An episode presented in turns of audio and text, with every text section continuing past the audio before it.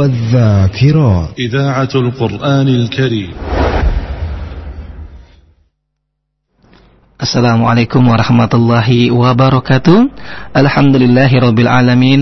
حمدا كثيرا طيبا مباركا فيه كما يحب ربنا ويرضو والصلاة والسلام على النبي رحمة وعلى آله وصحبه أجمعين ومن تبعهم بإحسان إلى يوم القيامة. أما بعد. إخوة الإسلام أعزني الله وإياكم. Saudara-saudaraku para pendengar Radio Roja, seiman seakidah di mana pun Anda berada di pagi hari ini. Semoga Allah subhanahu wa ta'ala senantiasa melimpahkan keberkahan untuk kita semua di pagi hari ini hingga menjelang malam nanti. Ikhwatal Islam azani Allahu ayakum. Dan tak lupa kami panjatkan doa kepada Allah subhanahu wa ta'ala bagi Anda yang di pagi hari ini sudah berangkat menuju menuju tempat Anda bekerja. Semoga Allah subhanahu wa ta'ala menjaga Anda dalam perjalanan dan juga memudahkan urusan Anda dalam melakukan aktivitas di pagi hari ini hingga menjelang malam nanti. Ikhwatal Islam azani Allahu ayakum. Pada kesempatan pagi hari ini kita akan ikuti dan simak kembali satu kajian ilmiah yang akan disampaikan oleh guru kita Ustaz Arman Amri LC Hafizullahu taala dalam pembahasan kitab Al-Aqidatu Awalan Laukanu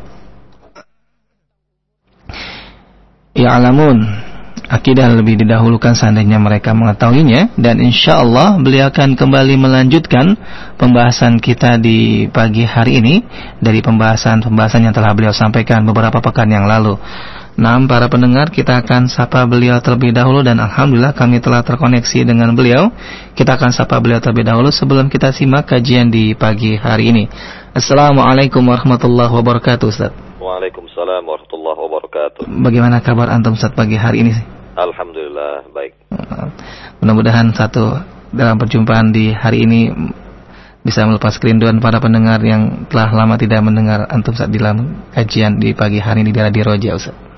Nah, baik para pendengar semua, bagi Anda yang ingin bertanya setelah materi disampaikan oleh Ustaz Anda bisa kirimkan pertanyaan Anda melalui pesan singkat di 0819896543 ataupun bagi Anda yang bertanya secara langsung Anda bisa menghubungi kami di layanan telepon yang telah kami sediakan untuk Anda yang ingin bertanya secara langsung di 0218236543. Nah, para pendengar, untuk selanjutnya kita akan simak bersama kajian ini dan untuk itu kami persilakan kepada Ustadz untuk menyampaikan materi. Falyatafadhal maskuran.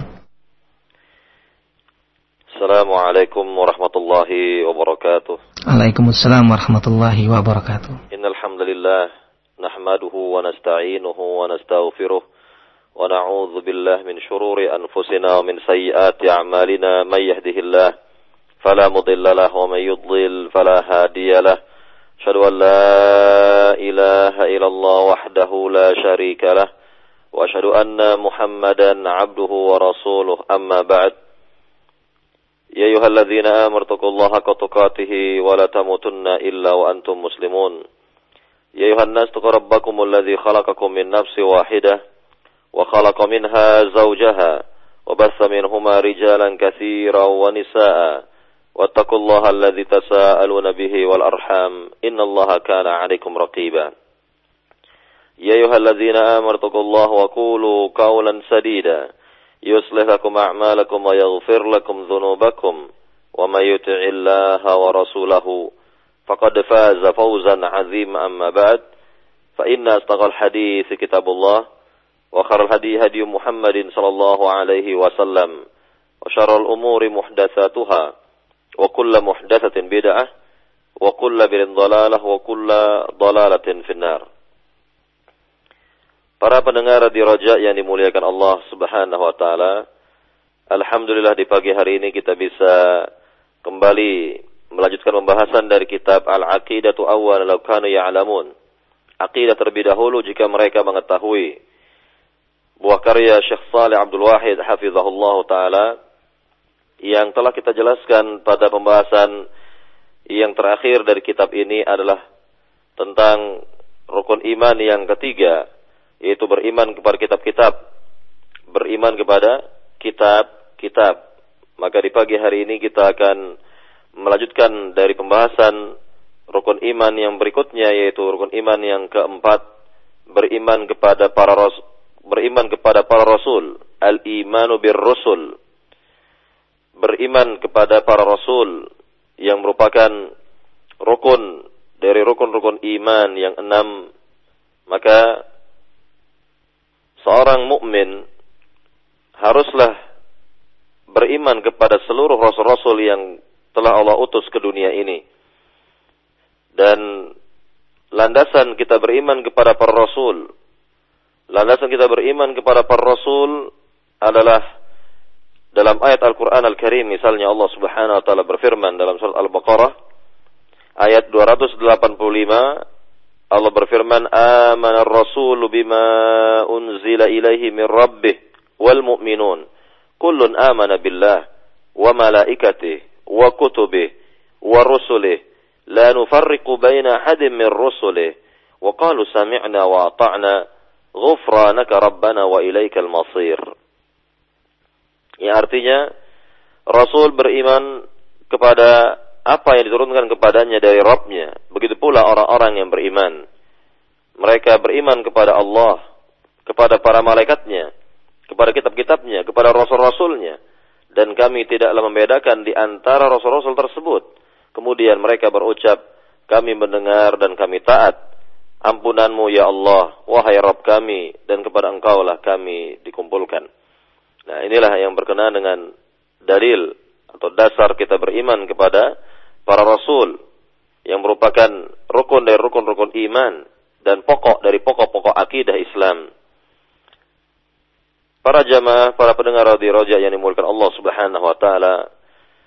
Dasar yang kedua yang bisa kita lihat dari hadis Nabi yang mulia sallallahu alaihi wasallam tentang kewajiban kita beriman kepada para rasul adalah hadis uh, Jibril di mana Rasulullah Shallallahu Alaihi Wasallam ditanya oleh malaikat Jibril, "Faakhbirni anil iman." Kabarkanlah kepadaku apa itu iman.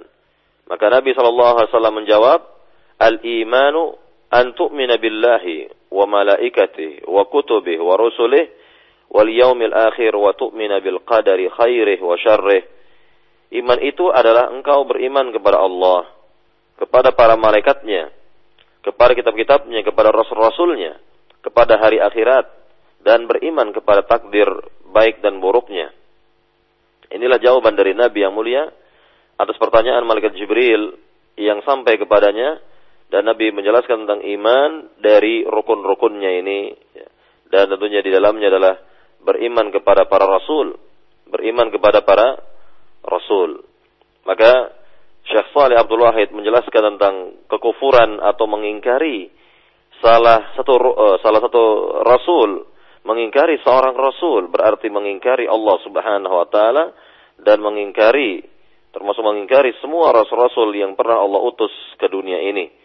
Dan tentunya yang demikian dalam keadaan yang sesat lagi nyata sebagaimana beliau mengatakan al-kufru bir rusuli kufrun billahi ta'ala وضلال بعيد لأن الله تعالى قال ومن يكفر بالله وملائكته وكتبه ورسله واليوم الآخر فقد ضل ضلالا بعيدا Beliau mengatakan bahwa mengingkari Rasul yang pernah Allah utus ke dunia ini berarti kufur dan mengingkari Allah Subhanahu wa taala.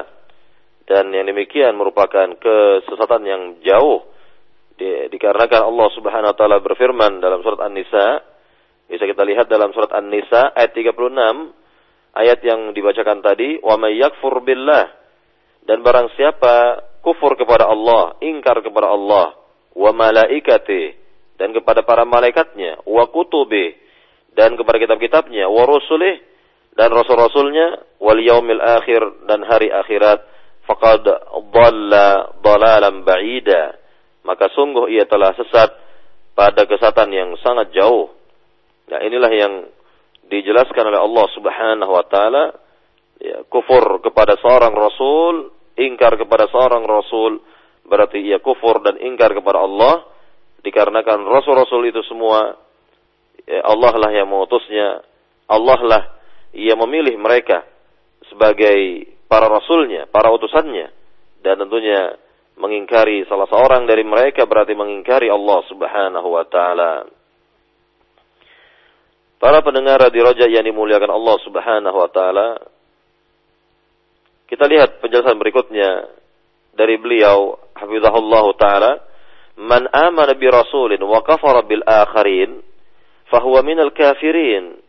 بنص القرآن الكريم قال الله تعالى إن الذين يكفرون بالله ورسله ويريدون يفرقوا بين الله ورسله ويقولون نؤمن ببعض ونكفر ببعض ويريدون أن يتخذوا بين ذلك سبيلا أولئك هم الكافرون حقا وأعتدنا للكافرين عذابا مهينا yaitu barang siapa beriman kepada sebahagian rasul dan mengingkari sebahagian yang lain maka sungguh dia termasuk dari orang-orang yang kafir sebagaimana Allah Subhanahu wa taala berfirman dalam ayat yang mulia yang bisa kita lihat dalam surat An-Nisa ayat 150 dan 151 Allah Subhanahu wa taala berfirman Innal ladzina yakfuruna billahi wa rusulih Sungguhnya orang-orang yang ingkar kepada Allah dan Rasulnya wa yuriduna yufarriqu bainallahi wa rusulih dan mereka menginginkan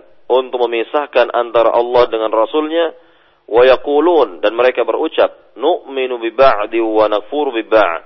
Kami beriman kepada sebagian yang lain namun ingkar kepada sebagian yang lainnya wa yuriduna ayattakhidhu baina dzalika sabila dan mereka menginginkan jalan yang demikian itu ulaika humul kafiruna haqqa maka mereka adalah orang-orang yang kafir sebenarnya wa atadna lil kafirina azab muhina dan kami telah siapkan bagi orang-orang kafir tersebut azab yang menghinakan. Nah inilah keterangan dari Rabbul Alamin. Bagi mereka yang beriman kepada sebahagian, beriman kepada sebagian rasul, namun mengingkari sebahagian yang lain, berarti ia telah kafir dan disiapkan oleh Allah Subhanahu wa taala azab yang sangat hina sekali di negeri akhirat nanti. Dan ini adalah ancaman yang sangat berat, ancaman yang besar dari Allah Subhanahu wa taala. Dan tentunya mengingkari satu rasul saja, tidak beriman kepada satu rasul saja berarti mengingkari semua rasul-rasul yang pernah Allah utus ke dunia ini. Maka lihatlah contoh berkenaan dengan kaum-kaum terdahulu di mana misalnya kaum Nabi Nuh mereka mengingkari nabinya, tidak beriman kepada nabinya, mengingkari Nuh alaihissalam, kufur kepada Nuh alaihissalam. Dan ini jelas pengingkaran terhadap semua rasul-rasul, kufur dan ingkar terhadap semua rasul-rasul yang pernah Allah utus ke dunia ini sebagaimana dijelaskan oleh Syekh Salih di sini, "Wa man kadzdzaba bi rasulin wahid faqad kadzdzaba bi kulli rusul." Faqala ta'ala an qaumi Nuh, "Kazzabat qaum Nuhin al-mursalin." Wa qala ta'ala an qaumi Hud, "Kazzabat 'adun al-mursalin." "Kazzabat Thamudul mursalin." yakni dikatakan barang siapa mendustakan seorang rasul maka sungguh ia telah mendustakan semua rasul-rasul yang pernah Allah utus ke dunia ini sebagaimana Allah berfirman mengenai kaum Nabi Nuh. Di mana kaum Nabi Nuh ini? Tadi disyaratkan mendustakan Nabi Nuh. Mereka mengingkari ajaran Nabi Nuh tidak beriman kepada ajaran Nabi Nuh ini. Maka Allah berfirman dalam surat Asy-Syu'ara ayat 105 sekali lagi Allah berfirman dalam surat Asy-Syu'ara ayat 105 kazzabat kaum Nuhinil mursalin. Sungguh kaum Nuh telah mendustakan seluruh rasul-rasul. Nah, perlu difahami di sini bahwa Nuh adalah rasul yang pertama. Dan sebelum Nuh belum ada rasul, maka beliau adalah rasul yang pertama. Namun dikatakan oleh Allah bahwa kaum Nuh telah mengingkari, telah mendustakan semua rasul-rasul. Semua rasul-rasul. Padahal ya, tidaklah diutus kepada mereka kecuali Rasul yang mulia ini saja, yakni Nuh alaihissalam dan tidak ada yang lain. Dan tentunya pengingkaran mereka terhadap Nuh, pendustaan mereka terhadap Nabi Nuh, berarti mereka mendustakan Rasul-Rasul yang akan diutus oleh Allah Subhanahu wa taala setelah beliau alaihi wassalatu wassalam. Para pendengar radio Raja yang dimulakan Allah Subhanahu wa taala, Demikian pula yang dibawakan tadi dari ayat berkenaan dengan pengingkaran dan pendustaan kaum Hud kepada nabinya. dan kaum Samud kepada nabinya. Mereka semua berarti mendustakan semua rasul-rasul yang pernah Allah utus ke dunia ini. Nah, inilah konsekuensi bagi mereka yang mendustakan seorang rasul saja. Mengingkari seorang rasul saja berarti mengingkari dan mendustakan semua rasul-rasul yang pernah Allah utus ke dunia ini dikarenakan semuanya adalah utusan Allah Subhanahu wa taala dan kita tidak boleh membeda-bedakan di antara mereka. yakni membeda-bedakan di antara mereka maksudnya adalah yang e, mengandung sifat penghinaan terhadap sebahagian mereka. Para pendengar di Raja yang dimuliakan Allah Subhanahu wa taala, kita lihat berikutnya keterangan dari Syekh Saleh ini. Dikatakan oleh beliau wa aqidatuna ma'syaral muslimina fir rusul annahum minal bashar laisu alihah wa laysu minal malaikah wa idza kana al-amr kadhalik anna ar-rusula minal bashar fahum yamradun ويأكلون ويشربون ويمشون في الأسواق ويتزوجون ويموتون ويتعرضون للأمراض والمهن والابتلاءات كما يتعرض البشر Akidah kita, wahai segenap umat Islam, tentang para rasul adalah bahwa mereka manusia biasa dan bukan Tuhan. Bukan pula mereka dari golongan malaikat. Maka apabila jika demikian urusannya, yakni bahwa para rasul semuanya adalah manusia, maka mereka mengalami sakit. Mereka butuh makan dan minum. Mereka berjalan di pasar, mereka menikah, mereka wafat dan mereka mengalami cobaan dan hidupan, cobaan dan ujian dalam kehidupan ini sebagaimana yang dialami oleh manusia-manusia lainnya. Nah, inilah keterangan dari Syekh Saleh ini bahwa para nabi, para rasul adalah manusia biasa sama seperti kita.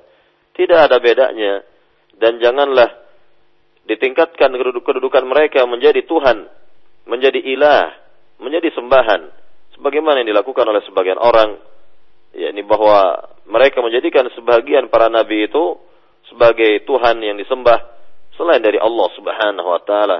Maka ini jelas perbuatan syirik, perbuatan yang tidak diridhai oleh Allah Subhanahu wa taala. Dan bagaimana mungkin seorang yang berposisi sebagai hamba kemudian meningkat derajatnya, meningkat kedudukannya menjadi ilah, menjadi Tuhan, menjadi sembahan selain dari Allah Subhanahu wa taala.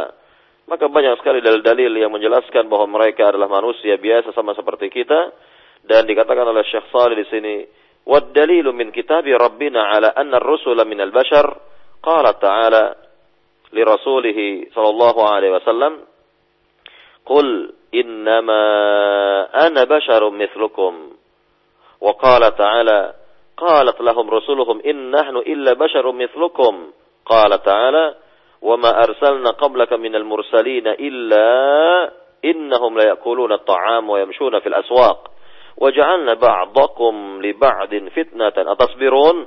وكان ربك بصيرا. وقال تعالى ما المسيح ابن مريم إلا رسول قد خالت من قبله الرسل وأمه صديقة كانا يأكلان الطعام. انظر كيف نبين لهم الآيات ثم ثم انظر أن يؤفكون. وقال تعالى على لسان إبراهيم والذي Walladhi huwa yut'imuni wa. Dikatakan di sini bahwa dalil-dalil dari Al-Quran Al-Karim yang menjelaskan bahwasannya Rasul-Rasul semuanya itu adalah manusia biasa. Misalnya Allah Subhanahu Wa Taala berfirman kepada Nabi Muhammad SAW dalam surat Al-Kahfi. Dalam surat Al-Kahfi ayat yang terakhir, ayat yang ke-110, Allah berfirman kepada Nabi yang Nabi yang mulia sallallahu alaihi wasallam, "Qul, katakanlah wahai Muhammad, innama ana basyarum mithlukum." Sungguhnya aku ini adalah manusia biasa sama seperti kalian. Atau dalam surat Ibrahim ayat 11 Allah berfirman, "Qalat lahum rusuluhum innahnu illa basyarum mithlukum." Berkatalah rasul-rasul kepada umat mereka, sungguhnya kami ini tiada lain hanyalah manusia biasa sama seperti kalian. atau firman Allah Subhanahu wa taala yang terdapat dalam surat Al-Furqan ayat 20 di mana Allah berfirman, "Wa ma arsalna qablaka minal mursalina illa innahum la ya'kuluna at-ta'ama wa yamshuna fil aswaq wa ja'alna ba'dakum li ba'din fitnatan atasbirun wa kana rabbuka basira." Dan tidaklah kami utus sebelum engkau wahai Muhammad dari para rasul melainkan mereka makan makanan dan berjalan di pasar-pasar dan kami jadikan sebagian kalian atau sebagian yang lain sebagai ujian apakah kalian bersabar? Wa kana rabbuka basira dan adalah Rabbmu maha melihat. Nah, inilah yang dijelaskan Rabbul Alamin tentang para rasulnya para utusannya. Mereka adalah manusia-manusia biasa sama seperti kita membutuhkan yakni kehidupan dunia ini makan minum dan lain sebagainya. Dan demikian pula yang terjadi pada Maryam dan anaknya yaitu Isa bin Maryam bahwa kedua-duanya dikatakan e, dalam surat Al-Maidah ayat 75 kana yakulani ta'am. Atau sebelumnya Allah katakan mal masih ibnu maryam illa rasulun qad khalat min qablihi rusul wa ummu siddiqah kana yakulani ta'am. Mal Masih ibnu Maryam, tidaklah Al-Masih bin Maryam melainkan rasul sebagaimana rasul-rasul sebelumnya yang telah diutus dan ibunya adalah yakni wanita yang jujur dan keduanya makan makanan. Dikatakan kana yakulani ta'am. Keduanya ini baik Maryam maupun anaknya Isa bin Maryam sama-sama makan makanan. Nah, ini merupakan sifat manusia. Sifat manusia membutuhkan makanan, minuman dan juga yang lainnya dan tidak dibenarkan untuk mengangkat derajat mereka atau meninggikan derajat mereka sebatas apa yang telah Allah berikan kepada mereka. Maka mereka tetaplah sebagai bashar, sebagai manusia dan bukanlah Tuhan. Mereka memiliki yakni eh, kelebihan dan kekurangan sama seperti kita semua. Dan tentunya mereka uh, yakni sebagai utusan yang haruslah dihormati, dimuliakan, namun tidak boleh ditinggikan sebagaimana yang telah Allah uh, yakni jelaskan tentang kedudukan mereka. Dan Rasulullah Shallallahu Alaihi Wasallam juga menjelaskan tentang sikap terhadap para rasul yang tidak boleh berlebihan sebagaimana Rasulullah bersabda dalam hadis yang sahih kata Nabi yang mulia sallallahu alaihi wasallam la tatruni kama atratin nasara ibna Maryam innama ana abdun wa rasuluh janganlah kalian melampaui batas terhadap diriku yakni memuliakan rasul sampai melampaui batas memuliakannya sampai melampaui batas kata kemudian eh, Rasulullah mengatakan lagi kama atratin nasara ibna Maryam sebagaimana orang-orang Nasrani telah melampaui batas terhadap Isa putra Maryam innama ana abdun wa rasuluh sesungguhnya aku ini hanyalah sebagai hamba Allah dan utusannya. Sebagai hamba Allah dan utusannya. Nah ini yang digarisbawahi oleh Rasulullah Sallallahu Alaihi Wasallam.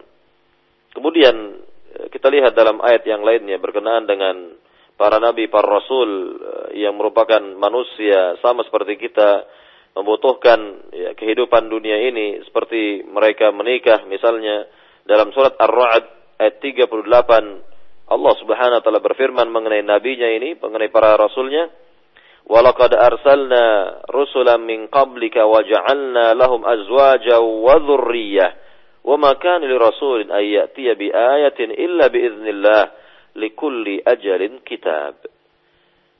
Dalam surat Ar-Ra'd ayat 38 Allah Subhanahu wa taala berfirman yang artinya, "Dan sungguh kami telah utus rasul-rasul sebelum engkau hai Muhammad." dan kami jadikan untuk mereka pasangan-pasangan dan keturunan. Ya, ini dikatakan kami jadikan bagi mereka pasangan-pasangan dan keturunan. Nah, ini menjelaskan, menerangkan kepada kita bahwa mereka yakni berketurunan, mereka juga menikah, mereka hidup bersosial, ya, bermasyarakat dan tentunya tidak ada uh, perbedaan sama sekali, tidak ada perbedaan uh, dengan Eh, kita sebagai manusia biasa dan dalam hadis Nabi yang mulia sallallahu alaihi wasallam di mana Nabi pernah bersabda dibawakan di sini hadis Nabi yang mulia e, berkenaan dengan bantahan Nabi Shallallahu Alaihi Wasallam terhadap tiga ucapan sahabatnya dan beliau ingin meluruskannya. Kata Nabi kepada ketiganya, walakinni asumu wa uftir. Adapun aku, ya, aku adalah berpuasa, aku berpuasa dan berbuka. Wa usalli wa arkud. Aku salat dan aku pun tidur, yani istirahat. Wa tazawwajun nisa dan aku pun menikahi wanita. Faman raghiba an sunnati falaysa minni. Maka barang siapa tidak senang dengan sunnahku, maka ia bukanlah tergolong dari tidaklah termasuk dari golonganku. Nah, inilah yang dikatakan Rasulullah sallallahu alaihi wasallam yang menunjukkan bahwa beliau adalah manusia biasa yang membutuhkan kehidupan dunia ini. Maka kita lihat ya, yakni dari dalil yang lain bahwa mereka adalah manusia biasa, bahwa mereka mengalami kematian, mereka wafat ya, yakni dengan izin Allah Subhanahu wa taala sebagaimana misalnya Allah berfirman dalam surat Az-Zumar ayat 30 dalam surat Az-Zumar ayat 30 Allah berfirman innaka mayyitun wa innahum mayyitun. Sungguhnya engkau wahai Muhammad akan mengalami kematian sebagaimana mereka dahulu mengalami kematian atau dalam ayat yang lain. Dalam surat Ali Imran misalnya. Ayat 144 di mana Allah Subhanahu wa taala jelaskan tentang Nabi Muhammad sallallahu alaihi wasallam dan juga rasul-rasul yang lainnya. Allah berfirman, "Wa ma Muhammadun illa rasulun qad khalat min qablihi ar-rusul. Afa immat aw qutila qalabtum ala aqabikum. Wa man yanqalib ala aqibaihi fala yadurra Allah syai'a wa sayajzillahu syakirin." Yang artinya dan tidaklah Muhammad melainkan seperti rasul yang telah kami utus sebelumnya dari para rasul tersebut. Maka apabila Muhammad itu wafat atau terbunuh, apakah kalian akan berpaling? Apakah kalian akan berpaling? Dan barang siapa yang berpaling, maka tidaklah dapat membahayakan Allah sedikit pun juga dan Allah akan mengganjar orang-orang yang bersyukur kepadanya. Nah, ini dijelaskan bahwa Nabi Muhammad dan juga rasul-rasul yang lainnya mereka pasti mengalami kematiannya. Kullu nafsin dha'iqatul maut. Yakni setiap makhluk yang bernyawa pasti akan mengalami kematiannya. Dan ini adalah hal yang wajar. Hal yang wajar.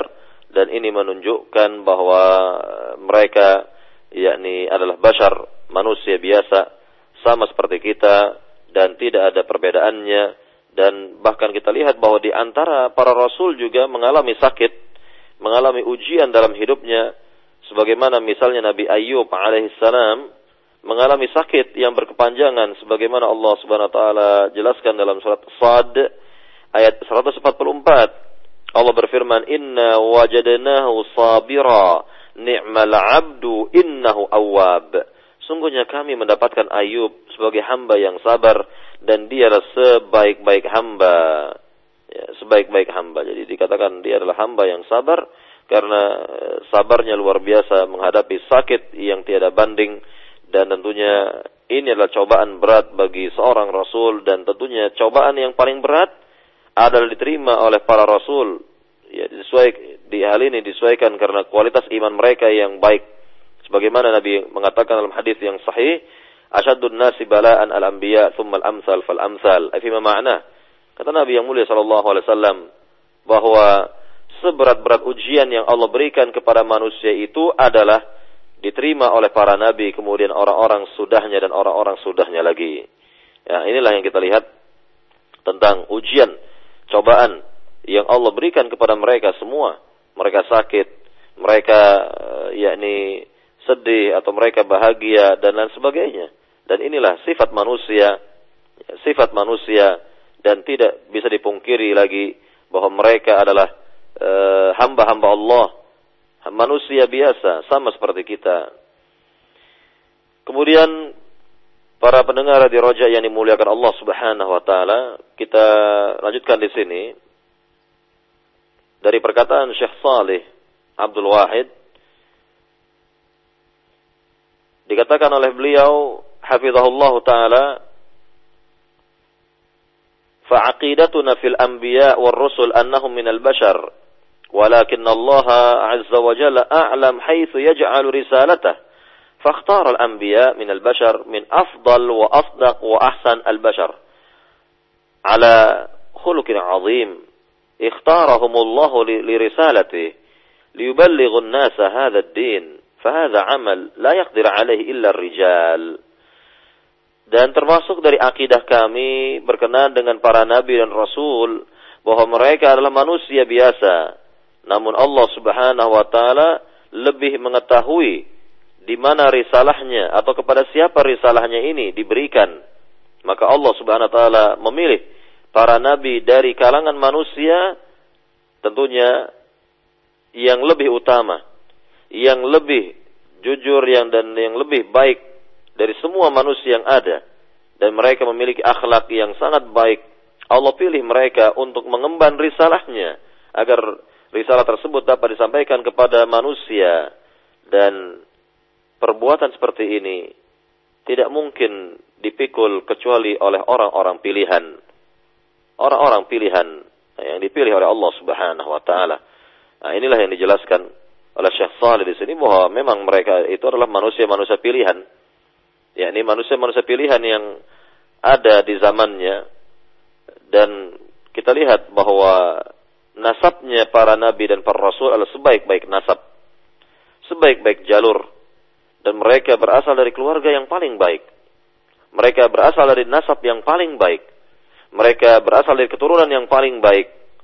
Nah, inilah garis ya, yang dipilih oleh Allah Subhanahu wa taala dan tentunya tidaklah sembarangan Allah Subhanahu wa taala menentukan para nabinya, para rasulnya untuk mengemban amanah yang e, berat ini. Kemudian para pendengar di roja yang dimulakan Allah Subhanahu wa taala tentunya e, karena mereka adalah manusia biasa, mereka adalah orang-orang pilihan yang dipilih oleh Allah Subhanahu wa taala sudah barang tentu Allah Subhanahu wa taala memberikan kelebihan-kelebihan kepada mereka semua.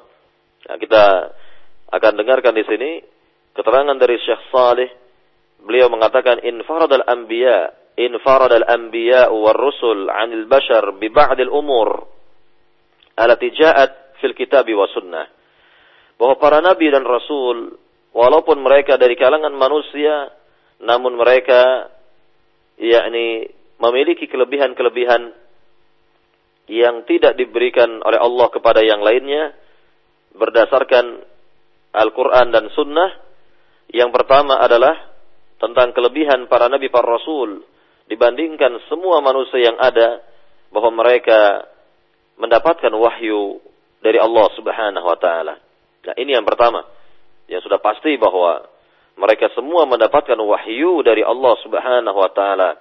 Dan hal ini dijelaskan kembali oleh Syekh Saleh beliau mengatakan ikhtassallahu azza wa jalla anbiya'ah wa rusulah bi an auha ilaihim duna sairil bashar qala ta'ala li rasulih sallallahu alaihi wasallam qul innama ana basharum mithlukum yuha ilayya annama ilahukum ilahu wahid faman kana yarju liqa'a rabbih falyamal 'amalan salihan wala yushrik bi'ibadati rabbih ahada. Allah Subhanahu wa taala telah mengkhususkan para nabinya dan rasulnya yaitu dengan cara diberikan wahyu kepada mereka. Allah Subhanahu wa taala berfirman kepada Nabi Muhammad SAW dalam surat Al-Kahfi ayat yang terakhir dari surat yang mulia ini, "Qul" ya, Allah berfirman, "Qul" katakanlah wahai Muhammad, "Innama ana basyarum mithlukum." Sungguhnya aku ini manusia biasa sama seperti kalian. Yuha ilayya, namun aku diberi wahyu oleh Allah. Annama ilahkum ilahu wahid. Bahwasanya tidak bahwasanya ilah kalian adalah ilah yang esa. Faman kana yarju liqa'a rabbih, maka barang siapa menginginkan perjumpaan dengan Rabbnya kelak di negeri akhirat, falyamal amalan salihah, maka hendaknya ia beramal dengan amal yang salih wala yusyrik bi ibadati rabbih ahada dan tidak dan tidak boleh berbuat syirik dalam beribadah kepada Rabbnya dengan apa pun juga. Nah, ini yang dikatakan oleh Allah Subhanahu wa taala dalam ayat yang mulia ini bahwa Nabi yang mulia sallallahu alaihi wasallam manusia biasa namun diberikan wahyu, disampaikan wahyu atau diberikan wahyu oleh Allah Subhanahu wa taala.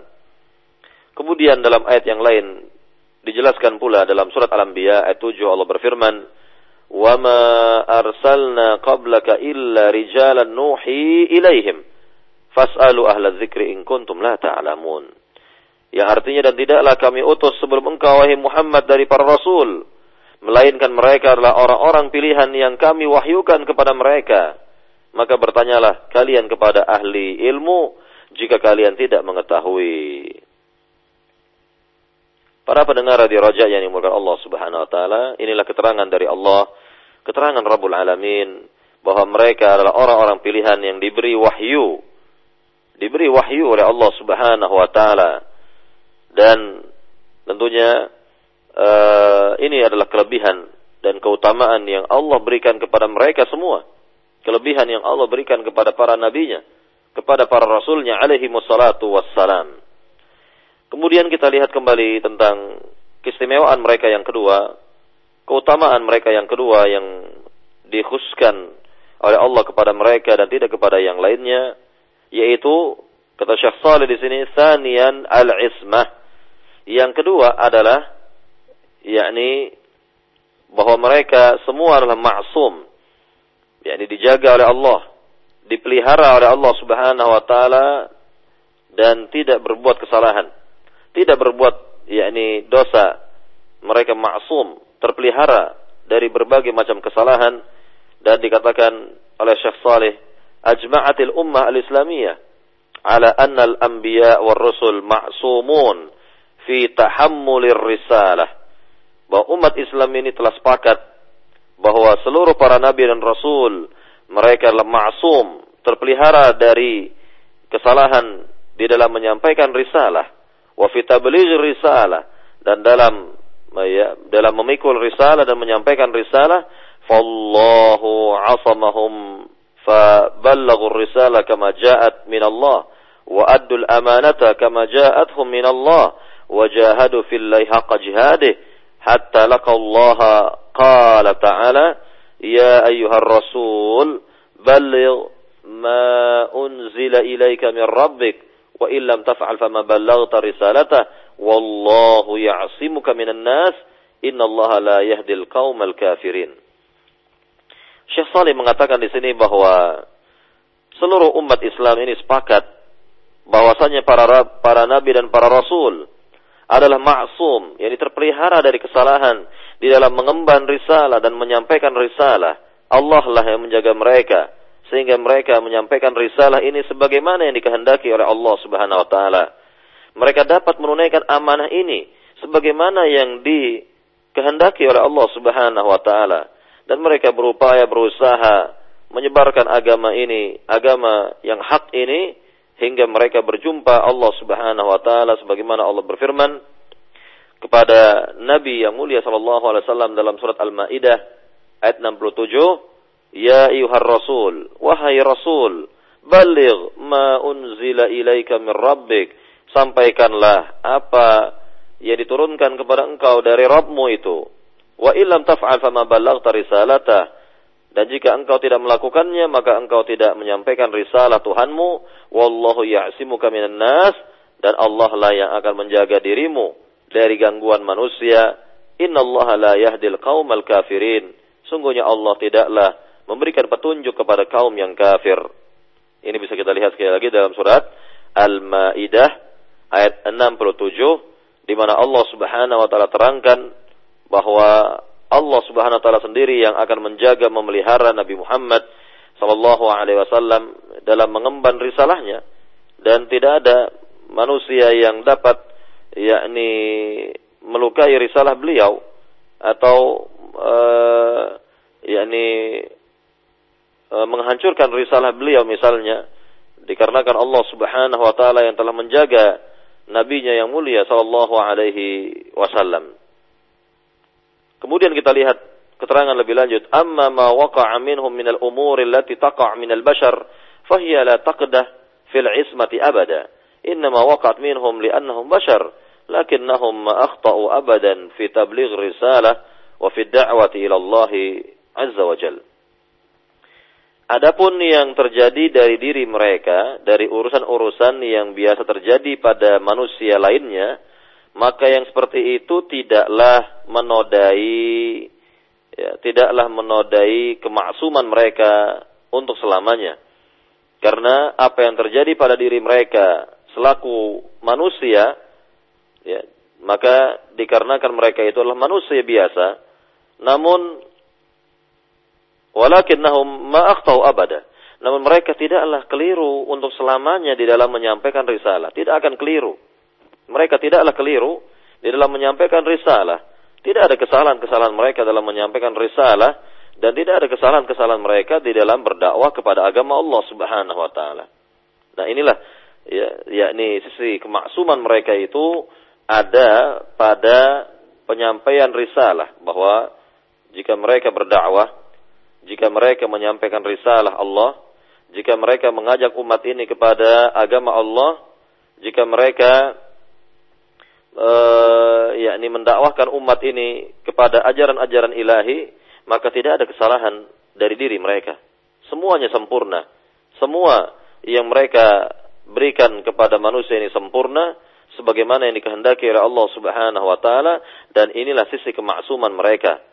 Namun jika mereka ya, ada melakukan kesalahan atau kekeliruan dari sisi yang lain, maka ini adalah hal yang wajar karena mereka adalah manusia biasa dan tentunya yang demikian tidaklah menodai sedikit pun juga tidaklah mempengaruhi sedikit pun juga terhadap apa yang mereka sampaikan kepada manusia, apa yang mereka sampaikan kepada umat ini, ya, seperti tentunya dakwah mereka, ya, penjelasan uh, tentang risalah Allah Subhanahu wa taala kepada umat dan seterusnya, maka tidaklah menodai hal-hal yang demikian. Para pendengar di Raja yang dimulakan Allah Subhanahu wa taala, ini keutamaan dan kelebihan yang Allah berikan kepada para nabinya, para rasulnya, yaitu e, kemaksuman. Kemudian yang ketiga sekarang kita lihat as-salis atau salisan idza ma idza namu tanam a'yunuhum wa la tanamu qulubuhum bahwa mereka itu apabila tidur maka mata mereka yang tertidur namun hati mereka tetap dalam keadaan terjaga.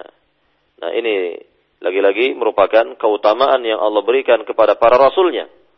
Kepada para nabinya. Bahwa apabila para nabi, para rasul itu tidur, maka mata mereka yang tidur, namun hati mereka tetap terjaga. Dipelihara oleh Allah subhanahu wa ta'ala, dijaga oleh Allah subhanahu wa ta'ala. Sebagaimana Nabi yang mulia sallallahu alaihi wasallam menjelaskan hal ini dalam riwayat Imam Bukhari, kata Nabi yang mulia, "Inna Ma'asyiral anbiya tanam a'yununa wa la tanam qulubuna. Sungguhnya kami para nabi apabila kami tidur maka mata kamilah yang tidur namun hati kami tetap terjaga. Nah, ini keterangan dari Nabi langsung dalam hadis yang sahih dalam riwayat Imam Bukhari ini yang menjelaskan tentang keadaan para nabi para rasul apabila mereka tidur. Dan hati mereka tetap terjaga. Hati mereka tetap terjaga dan ini hikmah yang besar.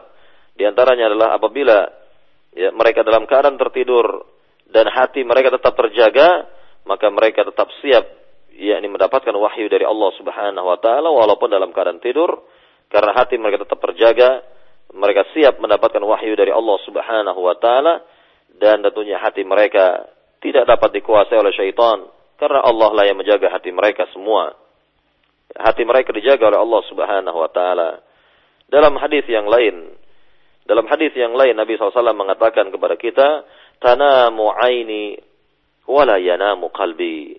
Mataku inilah yang tidur, namun hatiku tidaklah tidur kata Nabi sallallahu alaihi wasallam. Ya inilah keutamaan yang Allah berikan sekali lagi kepada para nabinya, kepada para rasulnya, di mana Allah Subhanahu wa taala uh, yakni pilih orang-orang pilihannya ini dan Allah Subhanahu wa taala tentunya berikan keistimewaan-keistimewaan, keutamaan-keutamaan ya, kepada mereka semua yang tidak Allah berikan kepada yang lainnya. Kemudian kita lihat kembali keutamaan dan keistimewaan yang keempat yang dimiliki oleh para nabi para rasul. Innahum idza maradu marad al-maut khuyyiru baina dunya wal akhirah.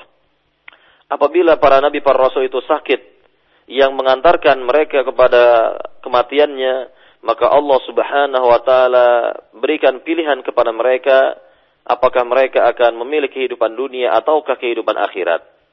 Nah, ini adalah keistimewaan yang Allah berikan keutamaan yang Allah berikan kepada para nabinya. Apabila mereka dalam keadaan sekarat, apabila mereka dalam keadaan sakratul maut, maka Allah berikan kepada mereka dua pilihan. Imma mereka akan hidup, diberi kehidupan yang panjang oleh Allah Subhanahu wa taala di dunia ini, ataukah mereka memilih kehidupan akhirat? Nah, sudah barang tentu semua para nabi, para rasul tentunya lebih memilih uh, memilih yakni kehidupan negeri akhirat, kehidupan yang abadi, kehidupan yang jauh lebih baik dan inilah yang dipilih oleh seluruh para nabi, yang dipilih oleh seluruh para rasul alaihi musallatu wassalam. Di dalam hadis Bukhari dan Muslim, Nabi yang mulia sallallahu alaihi wasallam bersabda tentang hal ini, ma min nabiyyin yamrad illa khuyyir baina dunya wal akhirah. Tidaklah seorang nabi itu sakit, yakni sakit yang membawa kepada wafatnya nabi atau rasul ini, melainkan kata nabi akan diberikan dua pilihan, yaitu kehidupan dunia ataukah kehidupan akhirat. Nah, ini diberikan dua pilihan. Luar biasa kehidupan para nabi. Inilah keistimewaan yang Allah berikan kepada para nabi diberikan ya, dua pilihan bagi mereka, imma memilih kehidupan dunia ataukah memilih kehidupan akhirat, maka sudah barang tentu semua para nabi, semua para rasul sama jawabannya bahwa mereka semua hanyalah menginginkan kehidupan akhirat dan ini menunjukkan bahwa dakwah mereka orientasinya adalah akhirat. Orientasi dakwahnya para nabi orientasi dakwahnya para rasul adalah akhirat dan bukan dunia. Sehingga wajar jika mereka lebih memilih kehidupan akhirat daripada kehidupan dunia ini. Karena kehidupan akhirat adalah jauh lebih baik.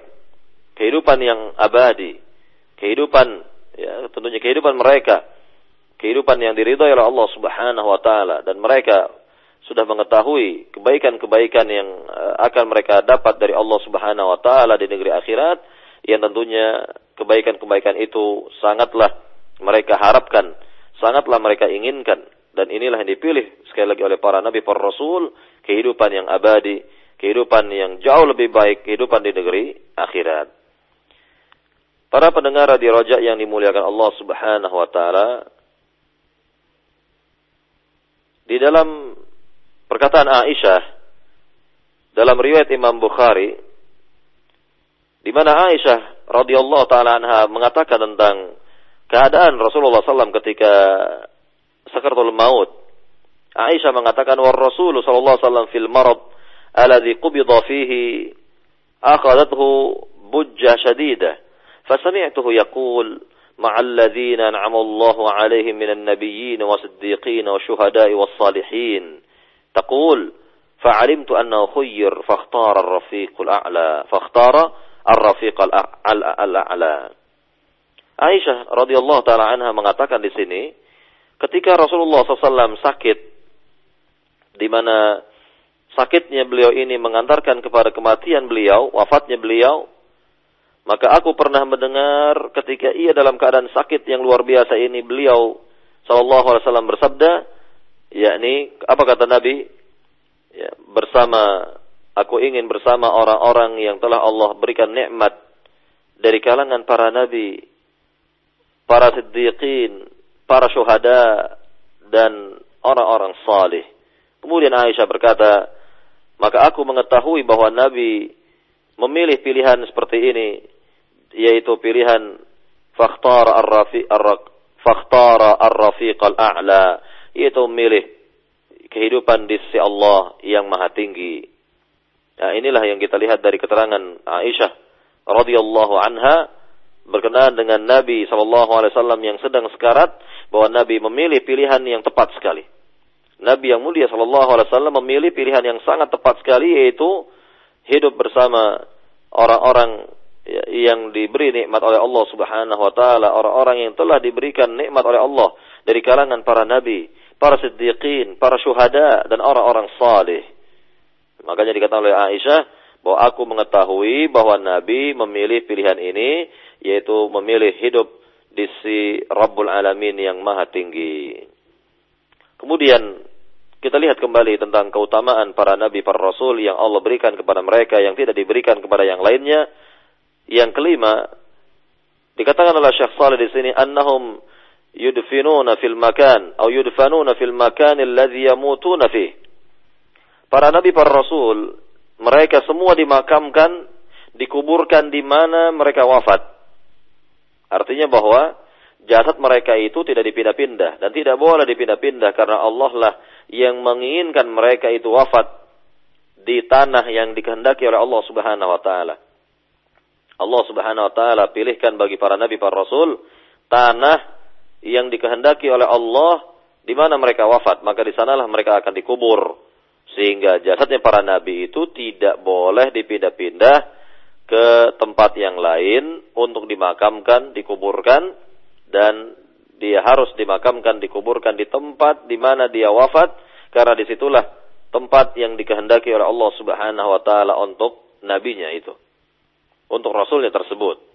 Maka ini adalah keutamaan tersendiri. Keutamaan yang berlaku bagi seluruh para nabi, seluruh para rasul. Maka dikatakan di sini oleh Syekh Salih, "Ma min nabiyyin yamutu illa dufina fil makan alladhi yamutu fihi." لذلك أجمع الصحابة على دفن الرسول صلى الله عليه وسلم في غرفة عائشة لأنه مرض في غرفة عائشة وقبض فيها ودفن في غرفة عائشة Tidaklah seorang nabi wafat melainkan akan dimakamkan di tempat wafatnya itu. Dengan demikian para sahabat seluruhnya bersepakat untuk memakamkan jasad Nabi Muhammad SAW di rumah Aisyah. Karena di sana dia sakit, di sana pula lah Nabi wafat, yaitu di rumah Aisyah.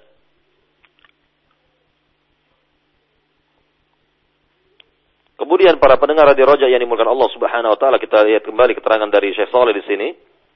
Keterangan dari dari beliau adalah i'lamu ya ibadallah.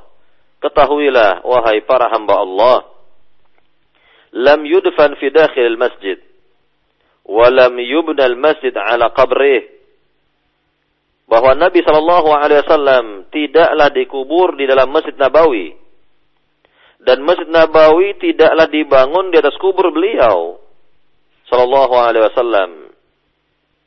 Nah ini yang perlu kita jelaskan di sini berkenaan dengan posisi kuburan Nabi Muhammad Shallallahu Alaihi Wasallam yang pada asalnya beliau dikubur itu di rumah Aisyah, di, di mana rumah Aisyah memang yakni bersebelahan dengan Masjid Nabawi, namun rumah ya rumah, masjid ya masjid. Tidak bisa disatukan antara rumah dengan masjid. Tidak bisa digabungkan antara rumah dengan masjid.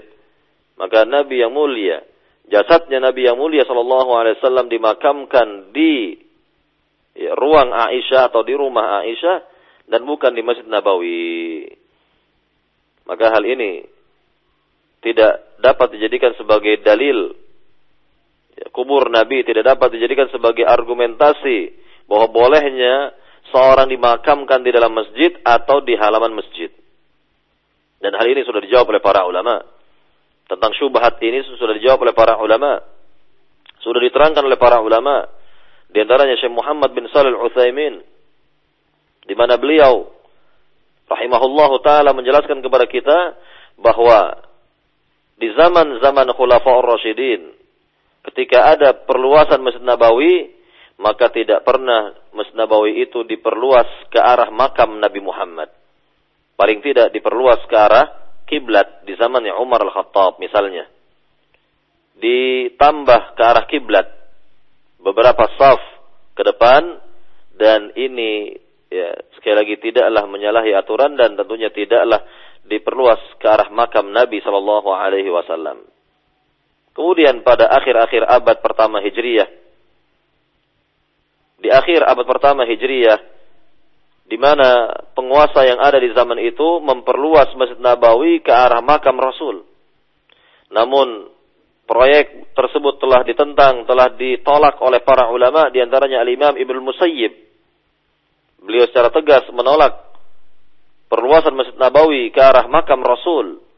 Namun yang terjadi adalah kebalikannya bahwa tetaplah pembangunan tersebut berjalan sehingga di zaman itu mulailah masuk kubur Nabi ke dalam Masjid Nabawi. Di dalam area Masjid Nabawi. Dan tentunya hal inilah yang tidak diinginkan oleh para ulama namun telah terjadi. Ya, telah terjadi di zaman tersebut. Kemudian dijelaskan kembali oleh Syekh Saleh Al-Utsaimin rahimahullah taala bahwa kubur Nabi Muhammad yang ada sekarang ini telah dilapis dengan tiga lapis tembok yang dengan demikian para ulama mengatakan bahwa kubur Nabi sudah di luar area Masjid Nabawi. Berada di luar area Masjid Nabawi karena telah dilapis dengan tiga lapis tembok sehingga jika ada seorang sholat di Masjid Nabawi yang kebetulan arahnya itu di arah belakang uh, kubur Nabi dan ketika dia sholat menghadap kiblatnya itu maka tidak dikatakan sholat menghadap kubur Nabi namun, namun tetap yakni sholat menghadap kiblat dan tidak ya, mengarah kepada makam Rasul Sallallahu Alaihi Wasallam. Nabi yang mulia Sallallahu Alaihi Wasallam telah memperingatkan hal seperti ini agar kita tidak menjadikan kuburan-kuburan itu sebagai tempat ibadah sebagaimana Nabi yang mulia sallallahu alaihi wasallam bersabda dalam hadis yang sahih la'anallahu al-yahuda wan nasara ittakhadhu kubur anbiya'ihim masajid. Yang artinya semoga Allah melaknat orang-orang Yahudi dan Nasrani di mana mereka telah menjadikan kuburan-kuburan para nabi mereka atau kuburan-kuburan orang-orang saleh di antara mereka sebagai tempat ibadah. Sebagai tempat ibadah.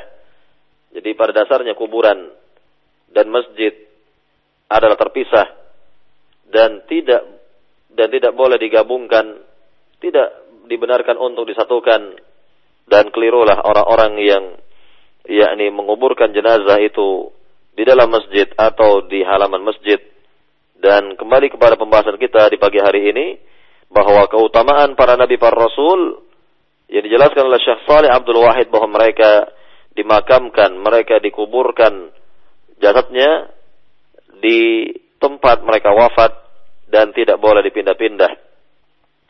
Kemudian para pendengar di rojak yang dimulakan Allah Subhanahu wa taala, kita lihat kembali ada dua keutamaan yang bisa kita jelaskan di sini dari keterangan Syekh Saleh Abdul Wahid sebelum diberikan kesempatan soal jawab nanti, yakni keutamaan yang keenam dikatakan innal arda la ta'kul ajsad al anbiya Sungguhnya tanah tidak akan memakan tanah tidak akan memakan jasadnya para nabi, para rasul.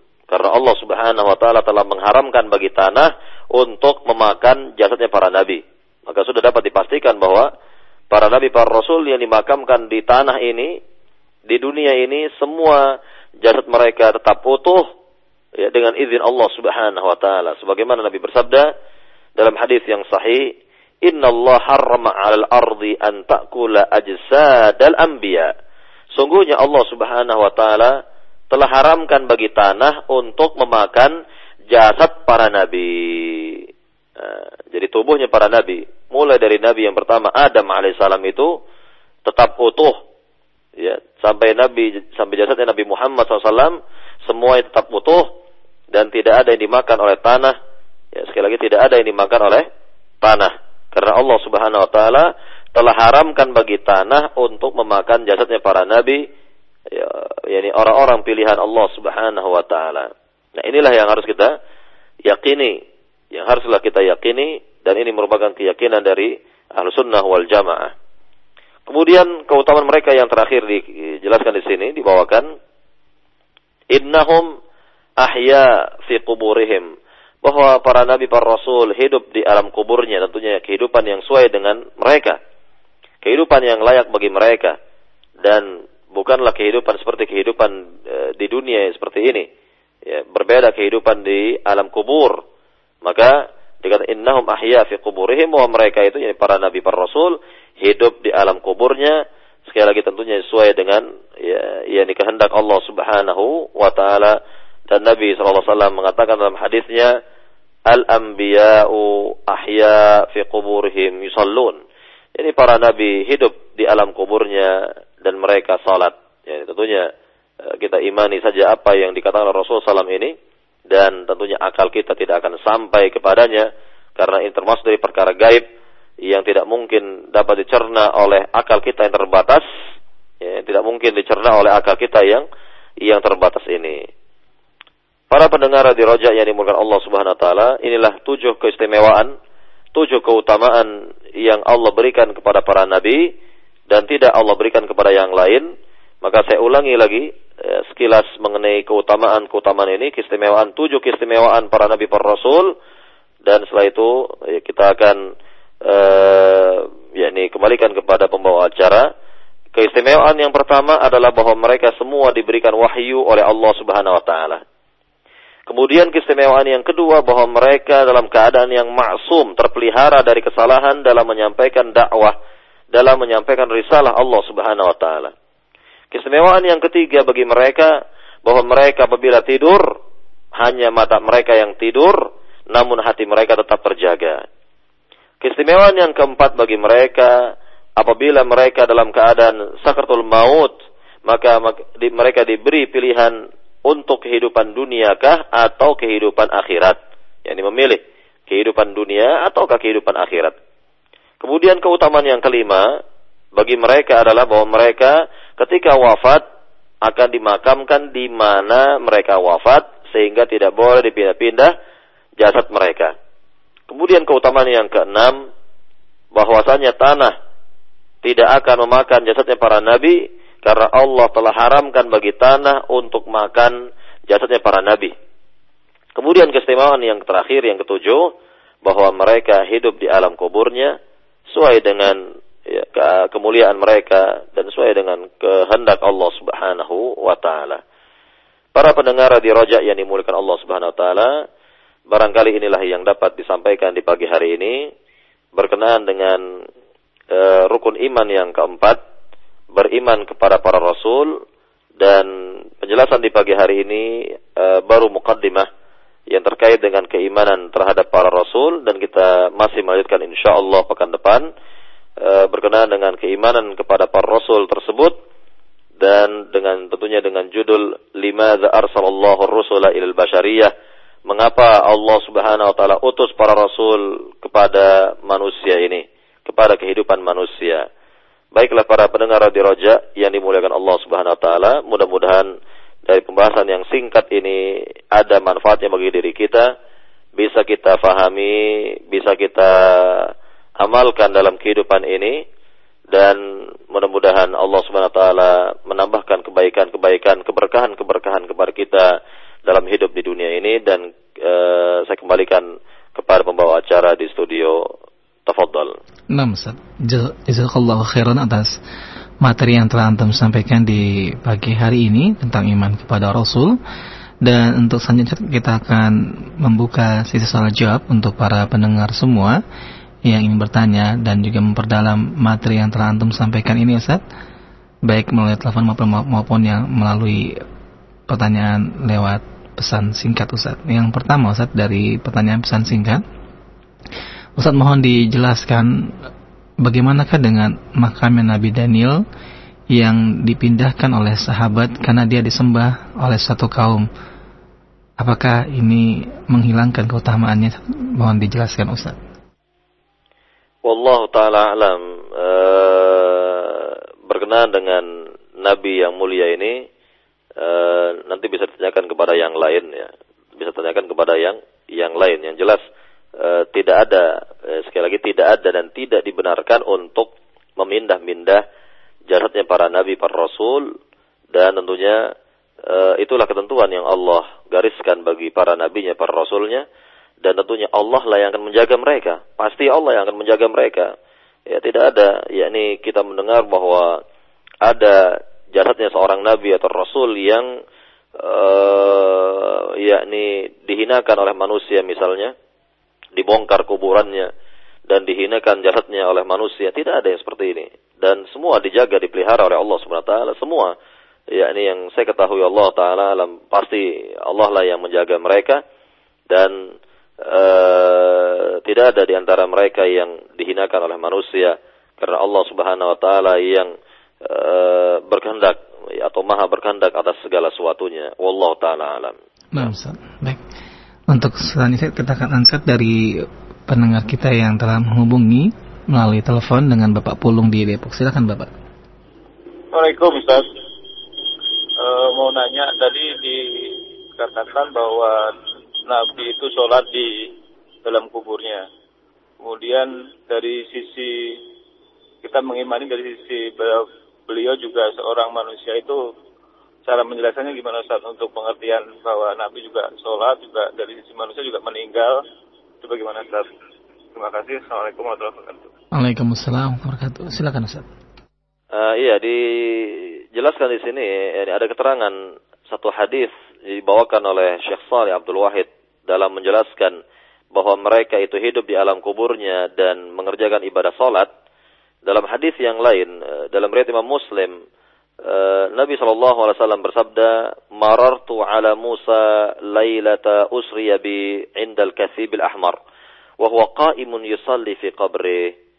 Kata Nabi SAW, ketika malam uh, diriku diperjalankan oleh Allah, yakni malam Isra, ya, Isra Mi'raj, maka aku melewati kubur Nabi Musa dan aku melihat bahwa ia berdiri uh, di kuburnya dalam keadaan salat dalam keadaan mengerjakan ibadah salat. Berdiri, dalam dikatakan berdiri di alam kuburnya, ya, dan tentunya ini e, tentunya adalah e, keutamaan yang Allah berikan, ya, dan kekuasaan Allah Subhanahu wa taala atas yang demikian.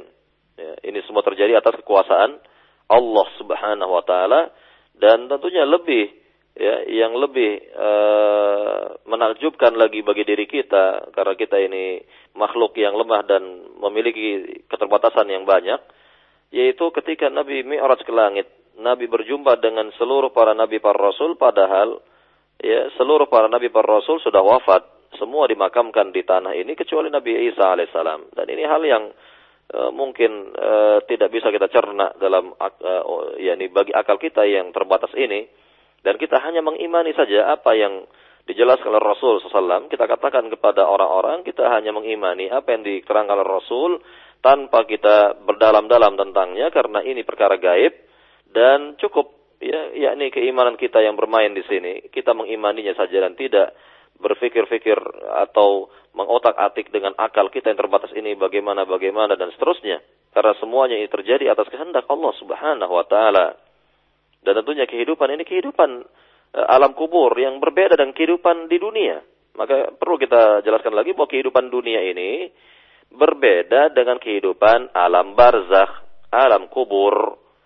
Bahwa alam barzakh atau alam kubur adalah alam gaib, termasuk alam gaib yang tidak mungkin kita jangkau dengan akal kita yang uh, terbatas ini. Maka dikatakan oleh Syekh Saleh di sini, yakni kaifa hadhil hayah bagaimana kehidupan tersebut? Allahu a'lam. Hanya Allah yang lebih tahu. Lakin kaifa yusallun? Lalu bagaimana mereka salat di alam kuburnya? Jawabannya Allahu a'lam. Hanya Allah yang lebih tahu. Hayatun barzakhiyah. Itu kehidupan alam barzakh. Alamun ghaibi. Itu alam gaib. Nu'minu bidzalika. Kita beriman tentang yang demikian. Wala nufakkir fi kaifiyati hadhil hayah dan kita tidak boleh berpikir tentang bagaimana kehidupan di alam kubur itu. Wala fi kaifiyati hadhihi salah dan juga tidak boleh kita ini berpikir bagaimana caranya eh, yakni para nabi itu salat di alam kuburnya. Fa innaha takhtalif an hadhil hayah allati na'ishuha. Karena kehidupan kita di dunia ini berbeda dengan kehidupan para nabi di alam kuburnya. Fal anbiya war rusul bashar laisu aliha. Ya, dikarenakan para nabi para rasul itu adalah manusia biasa dan bukan Tuhan, bukan sebagai Tuhan. Ya, kama qala ba'dun nas an ba'dir rusul innahu ilah. Ya, dan seterusnya.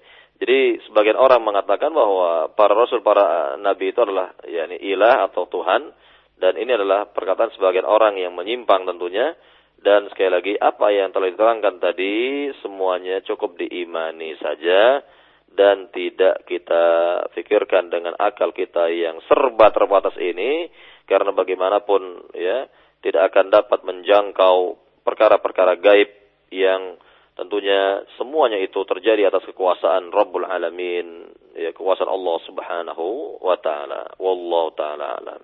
Nah. Baik, untuk selanjutnya kembali dari pertanyaan pesan singkat Ustaz. Ustaz, apakah sama larangan mengenai menguburkan di area atau sekitar masjid sama dengan menguburkan di area perkarangan rumah Ustaz. Apakah ini hukumnya sama Ustaz? Mohon dijelaskan Ustaz. Ya, pertama bahwa kuburan tidak boleh berada di dalam masjid atau di halaman masjid.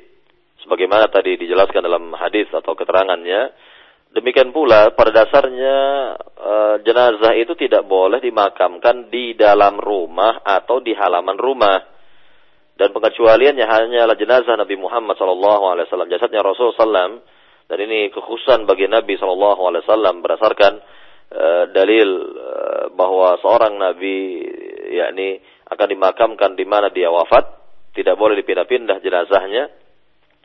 Kemudian uh, Nabi yang mulia SAW juga pernah menyatakan tentang rumah, ya tidak boleh yakni memakamkan mayit di dalam rumah. Misalnya Nabi SAW bersabda dalam hadis yang sahih, La taj'alu buyutakum maqabira. Janganlah kalian jadikan rumah-rumah kalian itu bagaikan kuburan. Nah, di sini dua penafsiran yang diberikan oleh para ulama.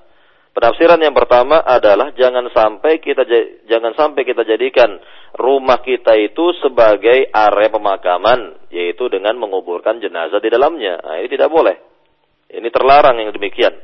Tidak dibenarkan menguburkan jenazah di dalam rumah atau di halaman rumah, ya, di pekarangan rumah. Maka masih kita lihat ya di negeri kita ini, sebagian kaum muslimin yang awam itu tentunya mereka menguburkan jenazah keluarga mereka yang wafat, anggota keluarga mereka yang wafat itu di halaman rumah mereka apakah halaman ya belakang rumah, halaman ya samping kanan kiri atau bahkan depan rumah misalnya. Nah, ini adalah kekeliruan dan ya terjadi karena keawaman keawaman mereka terhadap uh, hukum Islam, terhadap agama Islam ini. Maka tidak dibenarkan untuk melakukan hal yang demikian. Ya, jadi sekali lagi Nabi mengatakan la taj'alu buyutakum maqabira. Janganlah kalian jadikan rumah-rumah kalian itu bagaikan kuburan, area pemakaman, yakni menguburkan jenazah di rumah atau di halaman rumah. Nah, kalau seorang menguburkan jenazah di rumahnya atau di dalam rumahnya atau di halaman rumahnya, berarti ia telah menjadikan rumahnya itu bagaikan area pemakaman. Maka haruslah terpisah. Ya, rumah ya rumah, kuburan, ya lahan kuburan ya lahan kuburan, tidak bisa di yakni satukan. Ya, kemudian Tafsiran yang kedua dari hadis yang mulia tadi, janganlah kalian jadikan rumah-rumah kalian bagikan kuburan, yakni tidak boleh kita diamkan rumah tersebut, rumah tersebut, yakni sepi dari berzikir kepada Allah, e, dari beribadah kepada Allah Subhanahu wa taala. Karena kelanjutan dari hadis yang mulia tadi, Nabi katakan fa inna syaitana yanfiru minal baitil ladzi tuqra'u fi suratul Baqarah.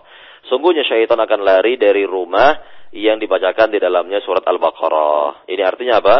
Bahwa rumah ya sebagai tempat kita beribadah boleh membaca Al-Qur'an di dalam rumah tersebut dan lain sebagainya dan pemahaman kebalikannya bahwa tidak boleh membaca Al-Qur'an di atas kubur, tidak boleh membaca Al-Qur'an Al-Karim di atas kubur, bahwa kuburan bukan tempat ibadah.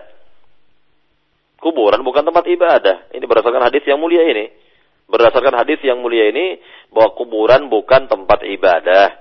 Adapun rumah silahkan kita hidupkan rumah tersebut dengan ibadah-ibadah kita, zikir-zikir kita seperti membaca Al-Quran dan yang semisalnya. Nah inilah yang kita lihat dari keterangan dari para ahli ilmu berkenaan dengan hadis Nabi yang mulia la taj'alu buyutakum maqabira. Sehingga sekali lagi tidak boleh ya dikuburkan jenazah di dalam rumah atau di halaman rumah maka umat Islam harus memiliki lahan tersendiri khusus untuk ya ya ini pemakaman ya atau khusus untuk kuburan kaum muslimin. Dan lahan tersebut ya tidak boleh dijadikan sebagai tempat ibadah. Tidak boleh membaca Al-Qur'an padanya di, di atasnya. Silakan saja kalau ingin membaca Al-Qur'an di masjid atau di rumah atau tempat-tempat yang baik lainnya bukan di atas kubur Ya bukan di atas kubur karena Nabi Muhammad tidak pernah Tidak pernah Nabi, tidak pernah para sahabat, tidak pernah tabi'in, tabi'ut tabi'in dan generasi berikutnya membaca Al-Quran di atas kubur. Tidak pernah mereka lakukan hal-hal seperti ini. Dan ini adalah perbuatan yang menyimpang dari uh, ajaran Nabi Muhammad SAW dan menyimpang dari kehidupan para sahabat tabi'in, tabi'ut tabi'in dan tidak ada seorang pun di antara mereka yang membaca Al-Quran misalnya di atas kubur. Ya, para jamaah yang dimuliakan Allah Subhanahu wa taala, ya kiranya inilah pembahasan kita di pagi hari ini berkenaan sekali lagi dengan mukaddimah dari uh, keimanan kepada para rasul dan kita akan lanjutkan kembali insyaallah taala pada uh, pekan depan biiznillah taala masih pembahasan tentang rukun iman uh, yang keempat ini beriman kepada para rasul. Mudah-mudahan apa yang disampaikan di pagi hari ini dari pembahasan yang singkat ini ada manfaatnya bagi diri kita semua dapat kita fahami dan bisa kita amalkan dalam kehidupan ini. Dan lebih kurangnya saya mohon maaf. Wallahu taala alam. Sallallahu Muhammad. Walhamdulillah rabbil alamin. Subhanakallahumma bihamdika. Asyhadu an la ilaha illa anta. Astaghfiruka wa atubu Assalamualaikum warahmatullahi wabarakatuh. Waalaikumsalam warahmatullahi wabarakatuh. Jazakallah khairan atas waktu dan kesempatan materi yang telah antum sampaikan di pagi hari ini dan insya Allah kita akan bertemu kembali pada pertemuan yang akan datang Ustaz.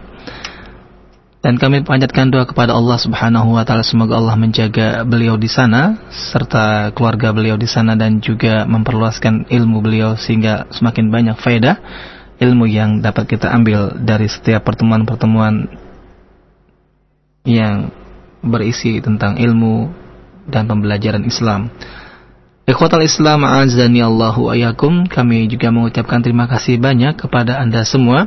Jazakumullahu khairan atas atensi Anda dan kebersamaan Anda di pagi hari ini dalam mengikuti kajian pagi dalam pembahasan kitab Al-Aqidatu Awalan Laukanu Ya Lamun yang disampaikan oleh Ustaz Arman Amri LC Hafidullahu Ta'ala dan kami juga mohon maaf apabila pertanyaan-pertanyaan yang Anda ajukan melalui pesan singkat belum sempat belum sempat kami hadirkan dan kami sampaikan kepada Ustadz Anda bisa tanyakan kembali pada pertemuan yang akan datang atau Anda bisa bertanya kepada para asatidzah yang mengisi kajian di Radio Roja. Kami juga mengucapkan terima kasih banyak kepada Abu Khadijah yang berada di Jakarta yang telah menghubungi kami untuk bertanya. Allah waktu yang tidak memungkinkan dan tidak bisa kami hubungkan kepada Ustadz dalam kajian di pagi hari ini. Terima kasih kepada beliau yang telah menghubungi kami dan juga kepada para pendengar yang telah melayangkan pertanyaannya, baik para pendengar yang berada di Lubuk Linggau, yang berada di Sumatera Barat, yang berada di Paninggahan Solok, dan juga beberapa pendengar lainnya yang telah menghubungi kami melalui uh, yang telah mengirimkan pertanyaan kepada kami melalui layanan SMS di 0819896543. Kami ucapkan terima kasih banyak. Jazakumullah khairan atas atensi Anda. Dan sekali lagi kami mohon maaf tidak dapat menghadirkan pertanyaan-pertanyaan Anda.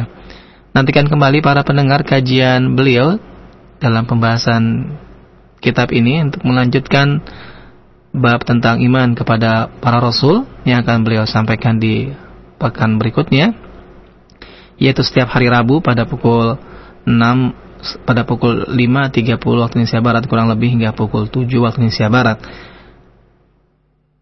Demikianlah para pendengar semuanya. Dan setelah jeda berikut ini kami akan informasikan beberapa info kajian pada kesempatan hari ini dan pekan ini dan kami mohon undur diri, mohon maaf atas segala kekurangan dan kealfaan kami serta kekhilafan kami. Bila taufiq wal hidayah. Wassalamualaikum warahmatullahi wabarakatuh.